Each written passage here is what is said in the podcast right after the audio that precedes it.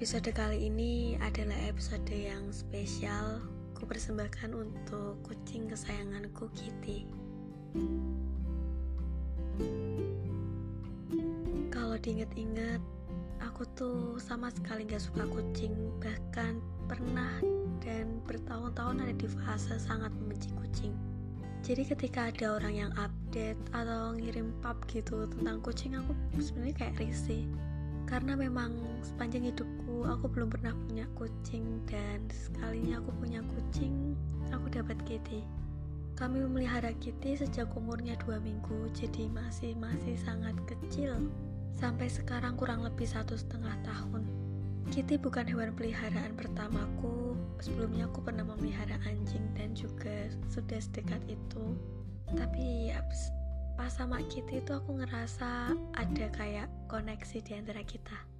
Kitty sangat tahu kalau aku orangnya pelor, jadi ketika aku tugas, dia selalu nemenin aku, nemenin di depan laptopku. Terus kalau aku ketiduran, dia suka kayak cakar-cakar halus.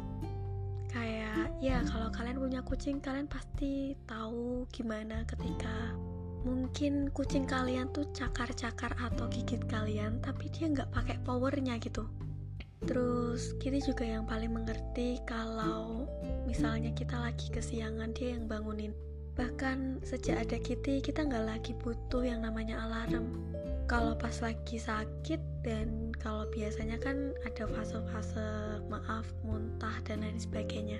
Pas kelepasan misal, dia kayak kelihatan banget ngerasa bersalah. Kitty adalah teman terbaikku juga di rumah. Dia tahu aku yang paling penakut di rumah dan ya kalau misalnya aku malam-malam keluar rumah misal ke kamar mandi ya sulit untuk dijelaskan tapi meskipun um, masih terhubung rumahnya tapi ada celah atap gitu. Kitty nemenin. Kitty benar-benar ngikutin dan dia duduk di depan pintu kamar mandi. Kita juga ada love headnya loh. Jadi ketika aku lembur kadang-kadang dia ngerusuhi. Tapi aku juga tahu dia pengen aku istirahat. Hari ini, saat podcast ini kubuat adalah tanggal 5 Februari 2023. Kitty meninggal. Aku nggak bisa mengekspresikan rasa yang ada di diriku secara ya mungkin sedikit berbeda.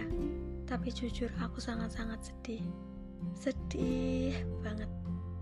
Terlebih Kitty itu menepati janjinya sebelum aku kembali ke kota tempat aku berkuliah sempat ada pembicaraan gitu secara random ada bude-bude, ada bulik-bulik, dan ada juga Kitty di situ.